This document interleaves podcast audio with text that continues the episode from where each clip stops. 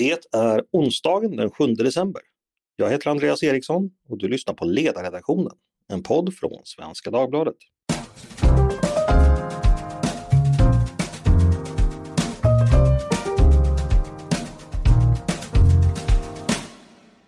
Varmt välkomna! I söndags sköts en man ihjäl i Södertälje. Han blev då det 60 dödsoffret för skjutvapenvåld i Sverige i år. Vi visste redan sedan tidigare att 2022 skulle bli ett rekordår när det kommer till antal döda av skjutvapen. Att det skulle innebära värre siffror än någon tidigare år. Eh, det tidigare rekordet var 48 döda, det var från 2020. Vi får se vad det landar i år, men alltså minst 60 döda. Skjutvapenvåldet och brottsligheten i allmänhet var ju också viktiga frågor i valrörelsen. Den näst viktigaste enligt Valu, när väljarna själva fick ranka. Och frågans betydelse bekräftas också snabbt av en titt i pressklipp och i mediadatabaser. Den nya regeringen har också aviserat en mängd olika åtgärder mot brottslighet och mot gängbrottslighet i synnerhet. Bland annat genom Tidöavtalet, där det är en viktig del. Men hur kommer det sig då att vi har hamnat där vi har hamnat? Hur ser utvecklingen ut just nu? Och vad kan politikerna egentligen göra för att vända utvecklingen? Det är ämnet för dagens podd och med mig för att bringa lite klarhet i de här frågorna har jag Manne Gerell, docent och kriminolog vid Malmö universitet. Välkommen hit Manne! Tack så mycket! Du har också varit med tidigare i podden, eh, så lyssnarna, en del lyssnare känner säkert igen dig. Eh, min första fråga, 60 döda av skjutvapen i år, en ökning med ungefär en femtedel jämfört med tidigare rekordår. Eh, vet vi någon orsak till att den här ökningen har blivit så stor just i år? Eller är det någonting bara som kan ses som en naturlig variation i något sorts ny, nytt normalläge? Nej, det, vi vet ju inte. Eh, man kan säga att det finns ett par möjliga förklaringar till att det är så mycket i år. Eh, ingen av dem tycker jag känns jättetrolig egentligen. Eh, men den ena är ju dels det här med de krypterade chattarna där polisen har tagit väldigt många och kanske framförallt väldigt många högt uppsatta kriminella de senaste åren. Vilket har förmodligen påverkat gängmiljön ganska mycket och kanske gjort den mer instabil så att det blir mer skjutningar. Det här är en inte helt orimlig hypotes, eh, men samtidigt ska man säga att forskningen pekar nog snarare åt motsatt riktning.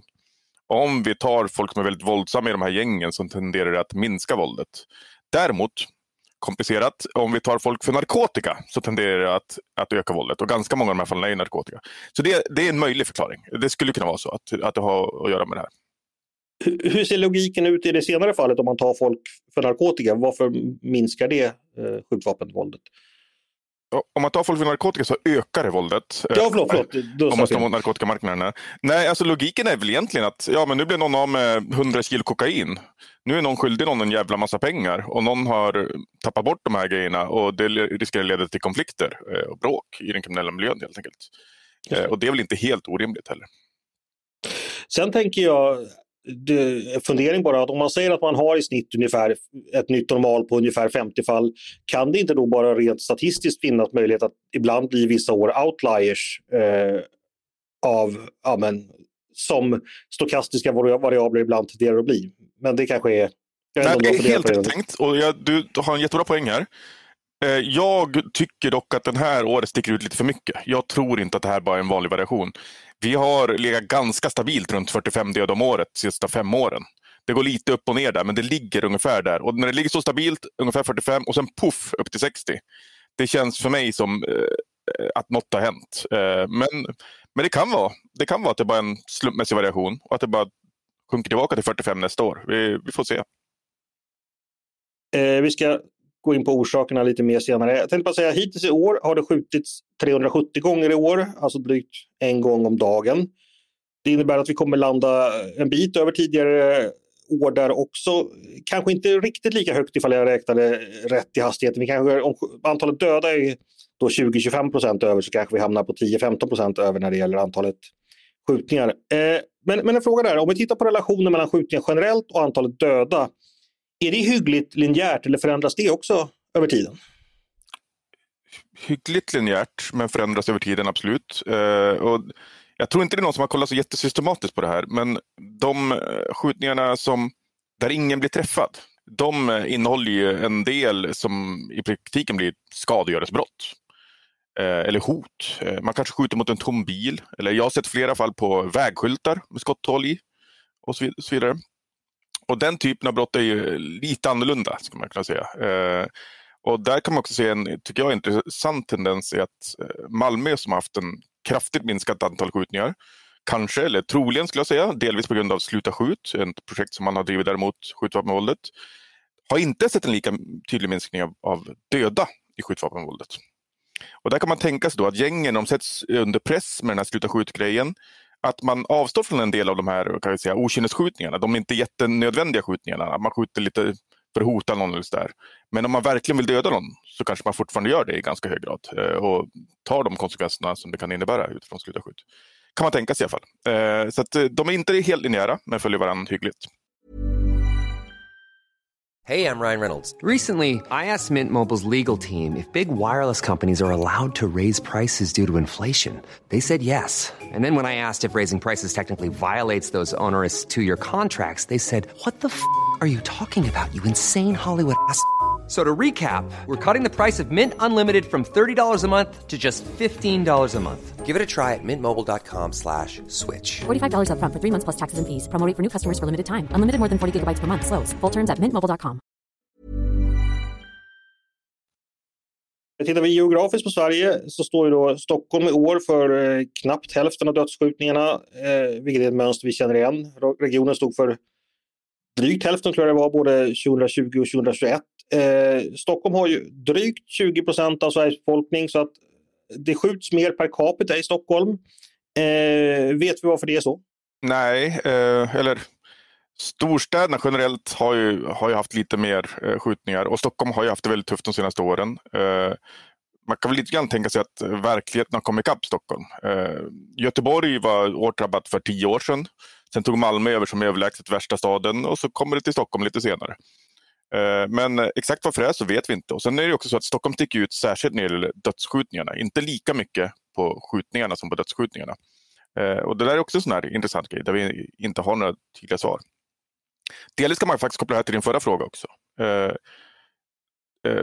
andelen av de som blir skjutna har förändrats, som dör har förändrats. För 2017 till 2020 ungefär, då låg vi ganska stabilt på ungefär var fjärde som blev skjuten dog. Nu är vi uppe på lite mer än var tredje, 35 procent ungefär. Och den där förändringen har kanske varit särskilt tydlig i Stockholm, att, att en, en hög andel av de som skjuts dör eh, numera. Eh, och det är en förändring vi har sett både i Sverige och som också delvis kan förklara varför Stockholm sticker ut lite grann här på skjut, dödligt skjutvapenvåld. Är det, har det att göra med själva hur, hur brottet begås? Så att, säga, att man kan skjuta fler skott eller skjuta på närmare håll? Eller eh, att man är mer beslutsam helt enkelt i sitt agerande? Eller vet vi någonting om anledningen till att fler som träffas dör? Ja, någonting vet vi. Eh, precis de här sakerna du nämner vet vi. Vi vet att det oftare numera är fler skyttar och därmed fler vapen. Ofta, man skjuter fler skott, man har oftare tyngre vapen, automatvapen eh, och så vidare. Eh, och kanske också generellt bättre vapen. Eh, för några år sedan var det ganska vanligt att man hade pistoler som klickade. Vi har flera fall där folk knappt har undkommit döden för att det dödande skottet har klickat pistolen. Eh, och så vidare. Mm. Eh, man har nog fått lite bättre vapen nu. Men mer allmänt så tror jag också, men det här kan vi inte bevisa, det finns ingen forskning på det, men jag tror att det delvis speglar en eh, större beslutsamhet som du sa, eh, eller, eller kanske till och med större förmåga i den kriminella miljön. Att planera och utföra de här dåden så att man verkligen ser till att sina offer dör. Mm. Eh, det talas ju ibland om att eh, specifika konflikter gör att det skjuts väldigt mycket på en kort tid på en speciell plats. Vi har ju haft Södertälje just i år. Eh, det är väl då sju döda under året tror jag och fyra under den allra senaste tiden just Södertälje som också beskrivs då av polisen som att det är en konflikt som pågår. När en sån här konflikt med följande våldsspiral väl är igång eh, kan polisen då göra något för att stoppa den och i så fall vad? Eller är det någonting som helt enkelt pågår tills, eller vad är det som annars får den att, får den att brytas? Vad vet vi om det? På, på kort sikt kan polisen bli bättre på till att börja med gripa. Eh, att ta in folk, hitta en eh, misstänkt och, och, plocka in dem och kanske anhålla dem. Och där har vi studier från USA som visar att eh, breaking the chain eh, har de faktiskt döpt, döpt studien till. Alltså helt enkelt att bryta kedjan av hämndspiraler. Att ett grip kan medföra att man minskar risken för att det ska bli en hämnd på hämnden och så vidare. Eh, så det är det första. Hitta misstänkta, grip dem. Och nästa är såklart skaffa tillräckliga bevis så att ni också kan lagföra dem så att ni inte behöver släppa dem. Eh, det är på kort sikt det viktigaste polisen behöver göra. Sen är det också i en del städer, som till exempel Malmö och nu flera andra städer som ska testa, där man har slutat skjut, så är det också en, en ganska bra komponent att sätta in för att kyla ner konflikten. Helt enkelt att, för då har man många fler redskap. Eh, det handlar om att inget gäng ska vilja vara det gänget som är nästa som skjuter, för det blir för jobbigt. Och då är det inte bara gripet och lagföring, utan då kan man ha med Skattemyndigheten, Kriminalvården, massa för att sätta ett hårt tryck på dem som är för våldsamma, så att de ska försöka avstå från att skjuta. Det är också en sån sak som man kan göra på kort sikt. Mm.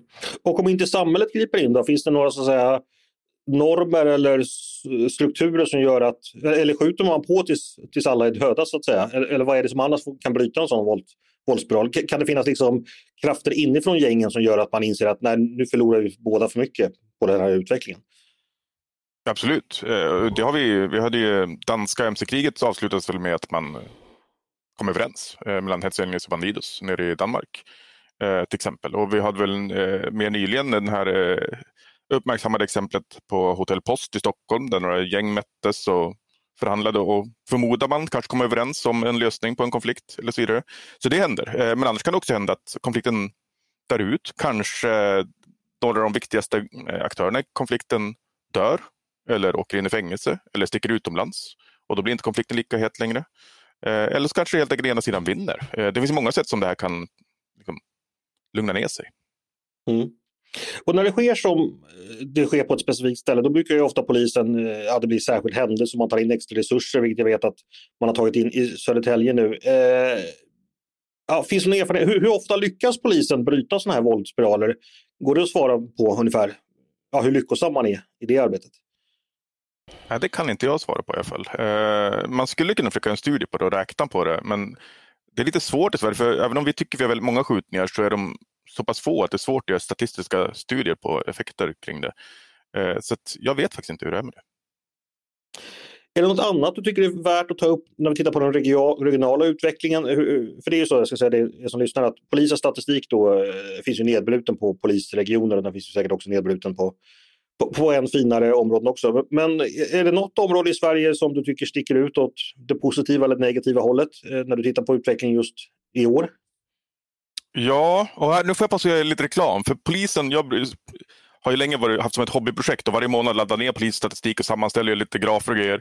Men eh, det finns ju ett företag numera som gör det här på en mycket mer detaljerad nivå som man kan få bra siffror från som heter InCharts. Eh, så, och de eh, verkar ha koll. Eh, och där visar det ju två städer sticker ut väldigt tydligt skulle jag säga. Den ena är Södertälje som du har nämnt. Sju döda. Det är en extremt hög nivå i en sån liten stad som Södertälje. De ligger också på ungefär 20 skjutningar per 100 000 invånare och räknar alla skjutningar, inte bara dödsskjutningar. Det är högre än Malmö när det var som värst och i dödsfall ligger de mer än dubbelt sökt som Malmö när det var som värst. Nästan tre gånger sökt. Det är en helt extrem nivå verkligen. Eh, men när vi kollar på, inte dödsfall utan bara på skjutningar, då är det ju ännu värre i Eskilstuna. Som ligger på 30 skjutningar per 100 000 invånare. Det är alltså nästan dubbelt vad Malmö låg på 2015 till 2017 när det var som värst i Malmö. Ja, det, är liksom, det är helt vansinniga nivåer verkligen. Mm. Det, ja, det är extremt.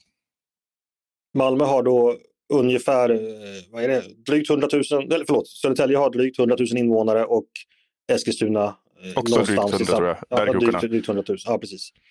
Eh, man skulle kunna översätta då, sju döda i Södertälje skulle kunna översättas till i Stockholm då som är tio gånger så stor som Södertälje eh, nästan. Det skulle innebära då uppåt 70 döda bara i kommunen. Eh, ja. Och det, det säger ju en del om det hela. Ja. Eh, skjutningar generellt, eh, den bilden vi har, eller som jag har i alla fall, som jag menar då jag har hämtat från media, det är att det huvudsakligen förekommer i miljöer av unga män, utsatta områden, eh, oftast utlandsfödda eller andra generationens invandrare socialt och ekonomiskt marginaliserade som också är livstidskriminella och begår mycket andra brott. Eh, är det den bilden, stämmer den så att säga övergripande fördomsprofilen när det gäller att det, det är de här miljöerna skjutningar sker? Ja, men det är också lite komplicerat. Det beror på hur man räknar och vad man menar.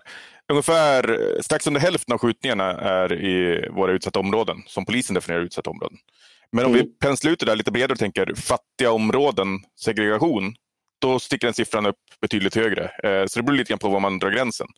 Eh, mm. Men generellt kan man säga att i, förutom i Norrland, så stämmer den här bilden på en majoritet av skjutningarna. Det handlar om, om de här miljöerna och de här personerna, de unga männen, kriminella nätverken, utsatta områdena. I Norrland är det lite annorlunda. Där är det inte lika tydliga gängkopplingar.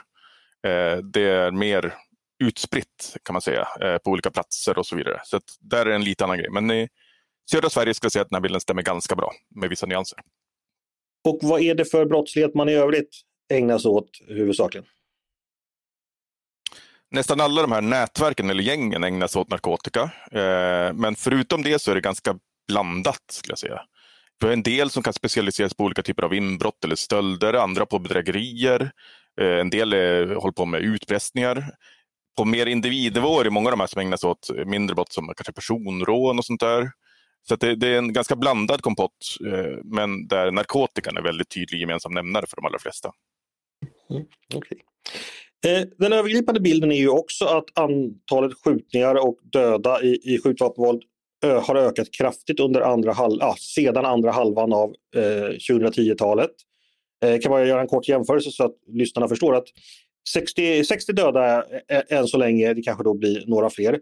Sammanlagt som mördades i Sverige 2012, alltså bara för tio år sedan, 68 människor allt som allt, eh, varav då naturligtvis en, en minoritet dödades av eh, skjutvapen. Så det är en utveckling som då är spektakulär, att vi nu nästan är uppe i samma siffror som totalt antal eh, fall av dödligt våld. Eh, vad vet vi om egentligen? Nu har det hunnit gå några år sedan utvecklingen stack iväg under andra halvan av 2010-talet. Vad vet vi om orsakerna? Fortfarande inte så mycket. Eh, vi vet ju det här som du nämnde nyss. Vi vet att den utveckling, den ökning vi har sett, den drivs av att det har ökat i utsatta områden snarare än i resten av samhället och bland unga män snarare än bland äldre män och kvinnor. Det, det är väl det vi vet.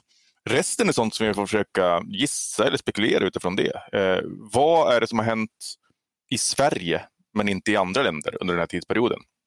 Ja, för det är viktigt att komma ihåg att vi skiljer oss från grannländer och övriga länder i EU när det gäller det här också. Ja, precis. Det är bara i Sverige som vi har den här tydliga ökningen. Eh, en del andra länder har legat ganska högt länge Eh, och har också då ganska höga nivåer. Men vi har kommit ikapp eller gått om dem, för de har inte haft en ökning de senaste åren. Eh, och det är det som gör att Sverige sticker ut. Och det, det här är inte alldeles lätt. Det är det finns ju saker där vi tycker att Sverige sticker ut. Till exempel vi har haft en hög invandring, eh, flyktingkrisen 2015, jättemånga kom och så vidare. Men många andra länder hade också en hög invandring under den tiden. Så jag tror att för att komma på, till ett svar på den här frågan så måste man kombinera flera faktorer och hitta om vi tar den biten och några andra pusselbitar tillsammans kan man lägga ett pussel där Sverige sticker ut och det bara är Sverige som uppfyller alla de här kraven. Men som sagt, det blir snabbt spekulationer och gissningar eh, och vi skulle behöva ett lite duktiga ekonomer satt så räknade på det här och jämförde alla länder och kom fram till ett bra svar. Så pusslet är inte lagt än kan man helt enkelt säga? Nej, skulle jag säga absolut inte. Eh, det finns många spekulationer, gissningar och hypoteser som är mer eller mindre rimliga men ingen som har övertygande visat på vilka pussel som passar bäst. Mm. Och eh, ja, du får be dig spekulera lite, men, men när, om du får tag i några duktiga ekonomer som är riktigt bra på, på eh, SPSS och Excel, vad, vad skulle du vilja att de eh, räknade på då? Nej, alltså jag, jag, tror att man skulle kunna göra eh, analyser, eh, statistiska analyser på stay, skjutvapenmord per invånare och relatera det till massa olika variabler och kombination med variabler, eh, där typ invandring eller arbetslöshet eller sådana grejer i Europa och jämföra olika europeiska länder och se om man kan hitta någon någon förklaring som passar in på, på hur de här nivåerna förändrats. Och då kommer det, sagt, det kommer av nödvändighet behöva flera variabler som kombineras och interagerar med varandra eftersom att det finns inte någon enstaka variabel som är så tydlig. Eh, och man kan då tänka sig att man skulle kunna försöka skapa sig en, ett, ett land som är ungefär som Sverige genom att stoppa ihop olika delar av andra länder och försöka få ihop något och se om man då kan hitta motsvarande nivåer. Mm. Vi får se det, så, låta det vara en uppmaning till eh, doktorander och masterstudenter runt om i landet som vill hjälpa, hjälpa Manne och räkna på detta. Eh, en fråga, jag tänkte, ni kriminologer, det fin, har ju naturligtvis förekommit tidigare i historien att brottslighet har ökat i olika typer av samhällen och sådär. Alltså, eh, finns det några historiska exempel man skulle kunna vända sig mot och, och, och försöka i alla fall jämföra? Har, har du funderat någonting på det i, i, andra länder eller andra tider? Absolut, och det här, har vi, det här är ett jättebra exempel för att understryka den här poängen. Vi har något som kallas för the great crime drop. Från någon gång slutet på 80-talet, början på 90-talet så minskade brottsligheten dramatiskt i hela västvärlden. Det här är en massiv grej. Liksom i, I England snackar vi rån och bostadsinbrott minskar med 80 procent. Mord minskar med något liknande i USA. Alltså det är en mm. jätteförändring i brottsligheten och som är gemensam för hela västvärlden. Lite varierande hur mycket det är, sådär, men ändå, alla hade minskningar. Vi vet inte riktigt helt vad det här beror på än. Och det här är 20 år sedan som drabbar hela västvärlden med en massiv förändring. Det finns många delförklaringar som var för sig kan förklara delar av det här. Vi kan lägga ett pussel. Vi är ganska nära att få ihop hela pusslet på det. Men, men då kan man tänka sig att när vi inte riktigt helt har fått ihop det pusslet, där hela västvärlden har sett en massiv förändring av all brottslighet, då kan man förstå att vi är ganska långt ifrån att lägga pusslet på skjutningar i lilla Sverige. Mm. Men en del våldsbrottslighet har ju ökat i USA de senaste fem åren. I alla fall vissa storstäder vet jag har dragit iväg ganska tydligt. Där finns ju en motsvarande utveckling. Eller ja. för visst är det så? Absolut. De har sett dramatiska ökningar av mord i USA de senaste åren. Eh, lite grann som vi ser i år här. Eh, och Det där är också en sak som är där man tvistar om förklaringar. En förklaring som har lyfts upp som man möjligen skulle kunna anföra här i Sverige också är pandemin. Mm. Eh, men jag har ju lite svårt att se att den skulle förklara en så stor ökning i Sverige i år och särskilt eftersom att i år har vi inte haft särskilt mycket pandemi här i Sverige.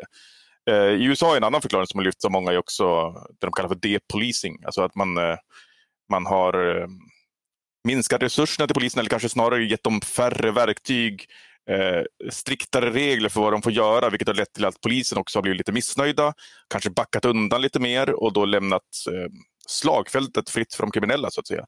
Det är en förklaring som också lyfts fram som och det här, är det här efter uh, Black Lives Matter-protesterna och protesterna mot polisen? Delvis, eh, men också relaterat till eh, att en del eh, progressiva DAs, District Attorneys, har vunnit val och infört nya policies. Till exempel att man kanske inte får jaga misstänkta om det riskerar att leda till skada eller man inte får använda vissa typer av våld och så vidare och som sen i sin tur då inte varit så uppskattat alltid av poliserna. Eh, så jag skulle säga att de där förklaringarna har nog i alla fall ett visst förklaringsvärde men kanske inte hela storyn heller kring det här. Och eh, det här är också en, en pågående akademisk debatt i USA där det är mycket bråk om hur man egentligen ska förstå varför morden har ökat så mycket de senaste åren. Mm, det kan jag tänka mig. Jag kan tänka mig att en hel del utomstående också har, vill ha sina fingrar med i, i det bråket. Eh, om vi ska gå över på hur det ska, vad som ska göras åt saken då. Eh, regeringen har ju som jag sa inledningsvis en eh, lång lista på åtgärder. Man har varit väldigt offensiv både i, i retorik och förslag. Eh, även i Tidöavtalet där skjutningar nämns inte specifikt men det talas om mönsterbrytande åtgärder för att stoppa gängen och då antar jag då att eh, skjutningar ingår. Eh, jag tänkte man, du har ju säkert läst Tidöavtalets del när det handlar om eh, brottslighet. Eh, väldigt övergripande recension från dig. Vad, vad, tänkte du när du läste det? Tänkte du så här att ja, här är man på rätt spår eller vad, rynkar du pannan? Det man tänker mest, ja, men det var ju som väntat. Det är ungefär det vi har hört i debatten de senaste åren. Eh, det, det lite mer av allt när det gäller hårdare tag eh, kan man säga. Eh, och jag, jag tror att en del av det kan få en effekt. Sammantaget kanske det får en ganska stor effekt. Eh, vi får vänta, följa upp och utvärdera. Jag hoppas att regeringen har någon plan kring att försöka följa upp och utvärdera de här förslagen. Men jag tror inte att det här kommer ge någon jätte, jättestor förändring. Men, men som sagt, jag kan ha fel också. Mm. Eh, för en del av de här förslagen är ju då ändå prövade utomlands. Det borde väl finnas någon kunskap om dem. Jag tänker exempelvis på det här med eh, visitationszoner. Vad har forskningen att, säga om det när det gäller effekt på brottslighet? Det finns en del studier som är specifikt på den typen av grejer, visitationszoner, och det finns mycket forskning på mer allmänt att stoppa och kontrollera folk. Mm. Och man kan väl säga att eh, konsensus är väl lite grann att ja, men det kan möjligen ha en liten effekt på brottsligheten. Den är inte stor, men kanske lite att det minskar brottsligheten. Men det kommer med ett visst pris eftersom att de som blir stoppade tycker inte om det helt enkelt. Eh, och kan då bli lite skeptiska till polisen. Precis, för det är ett argument som ofta dyker upp mot, mot ökad repression. Det är då att det riskerar att alienera människor, hela områden. Att få, ah, som jag förstår det, behandlas man som brottslingar så tenderar man att bli mer skeptisk mot eh, polisen och även man, ja, dels kan man själv bli brottsling men dels kan man också då, man kanske inte vill hjälpa polisen i framtiden om man, ja, eh, det skapar negativa effekter. Vet vi att den effekten finns? Ja, det skulle jag säga. Eh, men eh, jag tror också att att den effekten finns i Tyskland, det, så är det. Men hur stor den är och hur den fungerar, det varierar nog väldigt mycket beroende på dels vem den som är stoppad är, hur de är, men också hur polisen gör det här. Mm. Om polisen är väldigt duktiga på att kommunicera och förklara varför man gör det och behandla folk på ett respektfullt sätt så är det nog oftast inte en så stor skada skedd. Tyvärr så kommer det förr eller senare vara minst en polis som inte är så respektfull och som inte mm. kommunicerar så bra. Och då kan det nog göra större skada. Eh, och det, jag tror det är det som man ska tänka sig risken. Alla poliser alltså... som gör det här på ett väldigt bra sätt kommer, kunna göra, kommer, kommer inte göra så stor skada. Lite skada kanske, men inte stor. Men några poliser kommer vara lite sämre och då kan det bli dåligt. Och då pratar vi om en svensk George Floyd Ja, eller kanske jag tänker snarare bara en svensk, eh, en, en Malmöpolis som pratar eh, om, eh, använder rasistiska ord för att beskriva folk i en polisbuss under kravaller i Rosengård till exempel. Alltså mm. den typen av grejer. Att man, ja, man, det ja. behöver inte ens vara våld, men bara att man, att man är rasistisk eller nedlåtande på ett sätt som gör att folk tappar förtroende för polisen. Jag förstår vad du menar. Say hello to a new era of mental health care. Cerebral is here to help you achieve your mental wellness goals with professional therapy and medication management support. 100% online. You'll experience the all new Cerebral Way, an innovative approach to mental wellness designed around you. You'll get a personalized treatment plan from a therapist, prescriber, or both in a safe and judgment free space. Your cerebral therapist or prescriber will outline a customized plan with clear milestones along the way so you can get to feeling your best. With Cerebral, you're not alone in your mental health journey. We're here to empower you to live a fulfilling life. So take that first step towards a brighter future and sign up today at cerebral.com slash podcast and use code ACasts to get 15% off your first month. Offer only valid on monthly plans. Other exclusions may apply. Offer ends July 31st, 2024. See site for details. Många förslag då i Tidöavtalet handlar ju om påföljder om höjda straff och minskade så kallade ungdoms och mängdrabatter. Fler folk ska helt enkelt sitta längre i fängelse. Eh, och då kommer ju ofta, ofta det här eh, inkapaciteringsargumentet upp att människor som sitter inlåsta kan inte begå brott och eftersom brottskarriärer i regel är, ja, de är inte jättelånga, de är mellan man är 17 och 30 eller så här. Så att ju längre tid man sitter inlåst under den tiden desto färre brott eh, begås av helt enkelt gruppen som helhet. Eh, det är inkapaciteringsargumentet hur riktigt är det? Hur väl stämmer det överens med forskningen? Det finns en bra studie på det här som är gjord av en eh, kille som är skeptisk till straff som lösning på problem, men som ändå landar i incapacitation is real.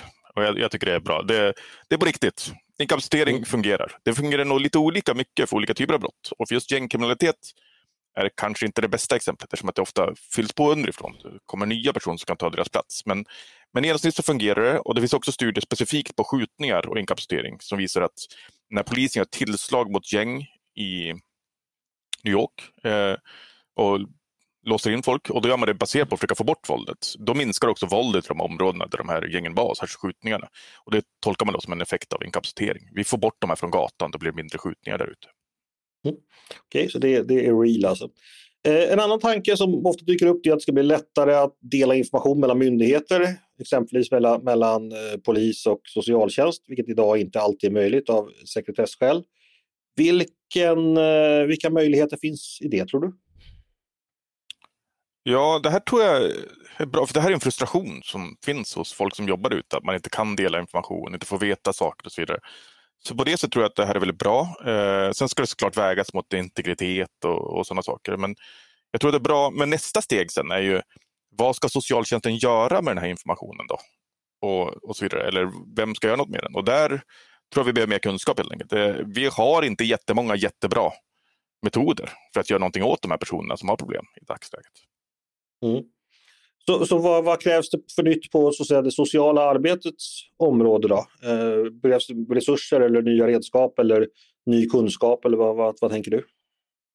Nya redskap och kunskap eh, skulle jag nog säga att vi behöver. Det är, ja, eh, det är inte helt lätt att jobba med de här unga gängkriminella pojkarna eller männen. Eh, och det vi gör eh, kanske inte har så stor effekt, men då behöver vi ta reda på saker som har stor effekt och jobba vidare med det. Och jag tror att det pågår ett sådant utvecklingsarbete nu också i, i Sverige och internationellt.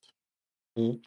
Jag minns när du var gäst i podden senast, det var väl ett drygt år sedan. Då tog du upp en dyster sån här social faktor. Du nämnde då, jag tror det var, du får rätta mig om jag har fel, men det var hur, hur många av eh, elever som gick ut från Malmö skolor utan fullständiga betyg och alltså inte kunde gå vidare till gymnasium och då förstås hade svårt på arbetsmarknaden. Och att det är så att säga, vi vet ju att den gruppen är en pool där många rekryteras till vidare brottslighet. Och det, det var ett, visst, ett antal personer. Eh, vad ska politikerna göra? Eller beskriver jag, beskriver jag rätt? Visst var det något sånt du nämnde den gången, vill jag minnas? Ja.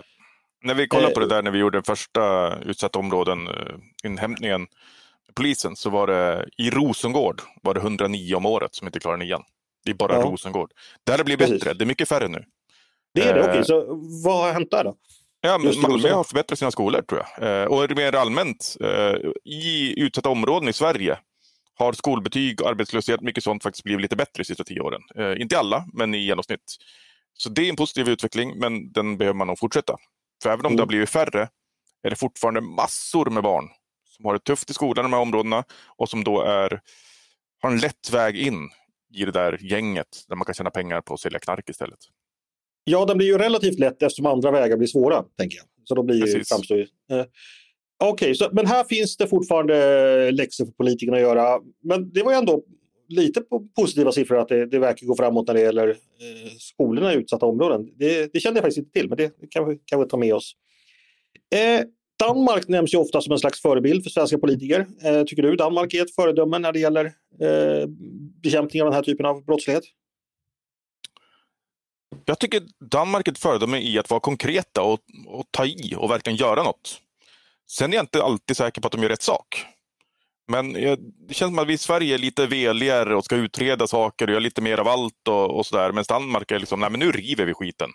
Och just den mm. där konkretionen de har, den tycker jag vi skulle behöva lite mer av. Men sen är jag inte säker på att vi ska göra samma saker som dem. Men det är bra om de går före och gör ordentligt fel eller ordentligt rätt så kan vi följa efter lite tveksamt och svenskt. Sådär, tänker jag.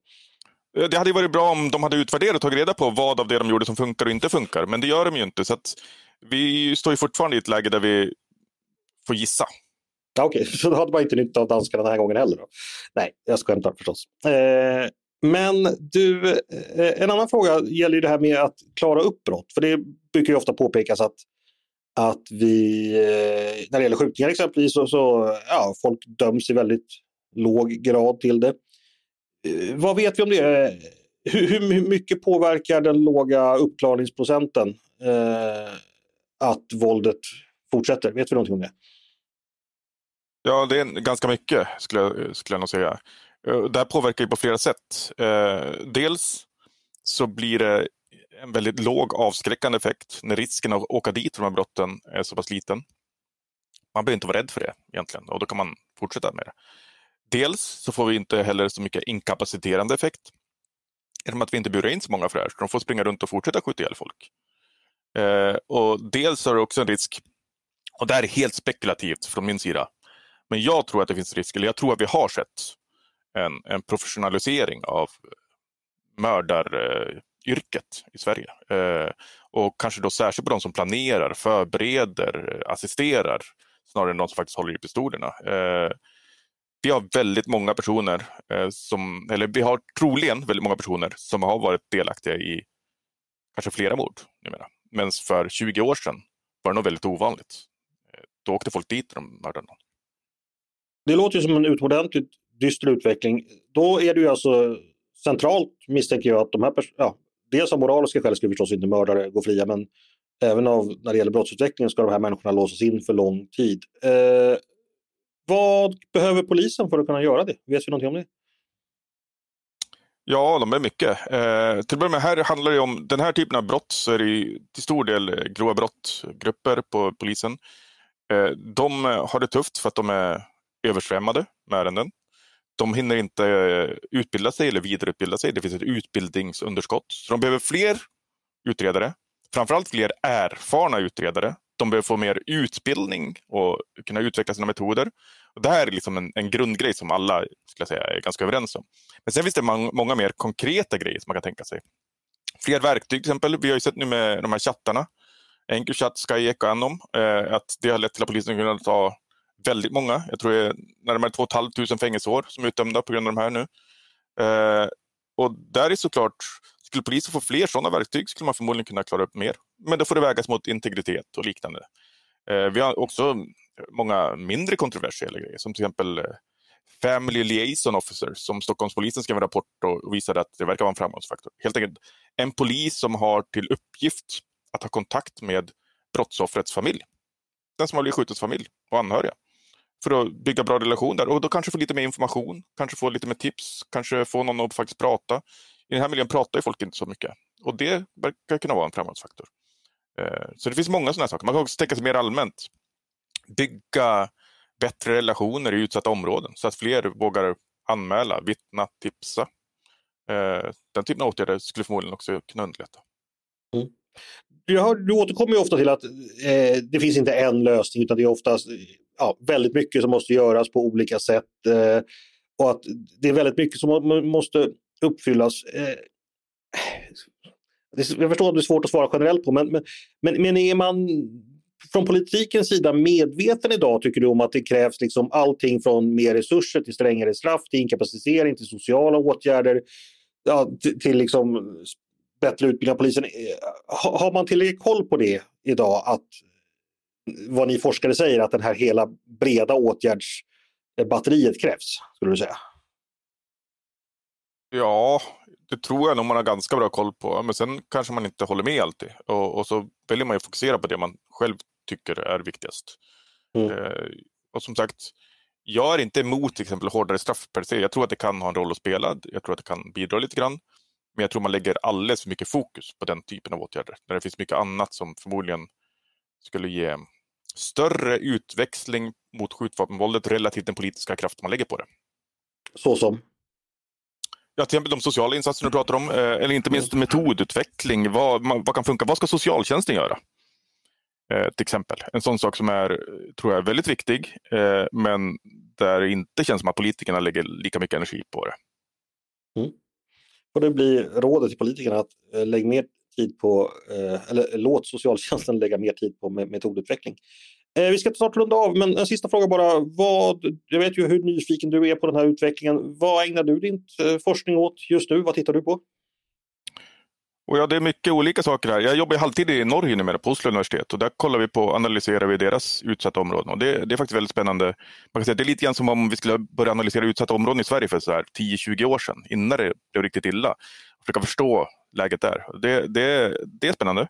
Sen, men det som är mest relevant för den här diskussionen vi har idag här är kanske att jag har nu ett projekt där vi håller på att kolla på de här krypterade chattarna, Encrochat, Skyek och Anom och se vad kan vi lära oss från dem om brottslighet, organiserad brottslighet i Sverige, om hur de organiserar sig.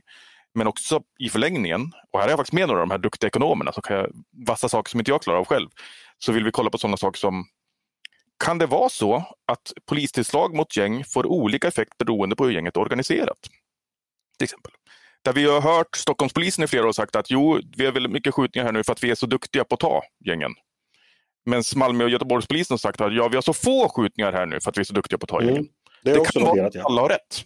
Och att det beror på att man har olika sorters gäng eller gäng, relationer mellan olika gäng och så vidare. Och Det är en sån sak som vi vill försöka kolla lite grann på här och som då några vassa ekonomer ska, ska bidra med och analysera. Så det är väl eh, intressant i det här perspektivet. En fråga, har det dykt upp hittills vad du vet några forskare eller studenter som kommer från de här miljöerna och så att säga, gått vidare från dem och vill bidra till forskningen? Finns, finns det några exempel på det? För jag tänkte de kanske har lite specialkunskaper. Jag vet inte. Uh, nej, inte vad jag känner till. Uh, Nej, jag, ju... antar att de är underrepresenterade på universiteten generellt, men, men några brukar ju alltid Ja, absolut. Men vi hade, vi hade en, för länge sedan hade vi en forskningsassistent eh, som jobbade med att hänga med kids i Rosengård, som var från Rosengård och hade väldigt bra koll. Eh, men han gick inte vidare i akademin. Eh, jag har på rak arm inga bra exempel. Det finns säkert. Mm. Men, men jag har inte koll eh, på vilka det kan vara. Nej, jag tänker med tanke på att om miljöerna fortsätter vara så här stora så lär det ju vaskas fram några sådana som kanske kan erbjuda någonting som ni som inte har växt upp missar. Det vad vet jag. Absolut. Och det, det är som du säger, 5% av Sveriges befolkning, mer än så, bor i ett utsatt område. Det kommer garanterat komma forskare därifrån som ägnar sig åt de här frågorna. Mm. Stort tack Manne Girell för att du ville vara med och, i podden och prata med mig idag. Tack! Du har lyssnat på Ledarredaktionen, en podd från Svenska Dagbladet. Ni är varmt välkomna att höra av er till redaktionen med tankar och synpunkter på det vi precis har diskuterat. Jag är övertygad om att det finns där ute, för det här är ju ett område och ett ämne som angår och engagerar många. Hör också gärna av er om ni har idéer och förslag på det vi ska ta upp i framtiden. Maila då till ledarsidan svd.se. Säg att jag eh, läser så får såklart alla mejl och försöker svara på så många som det absolut är möjligt. Stort tack för idag. Eh, dagens producent, han heter Jesper Sandström. Jag heter Andreas Eriksson och jag hoppas att vi hörs igen snart.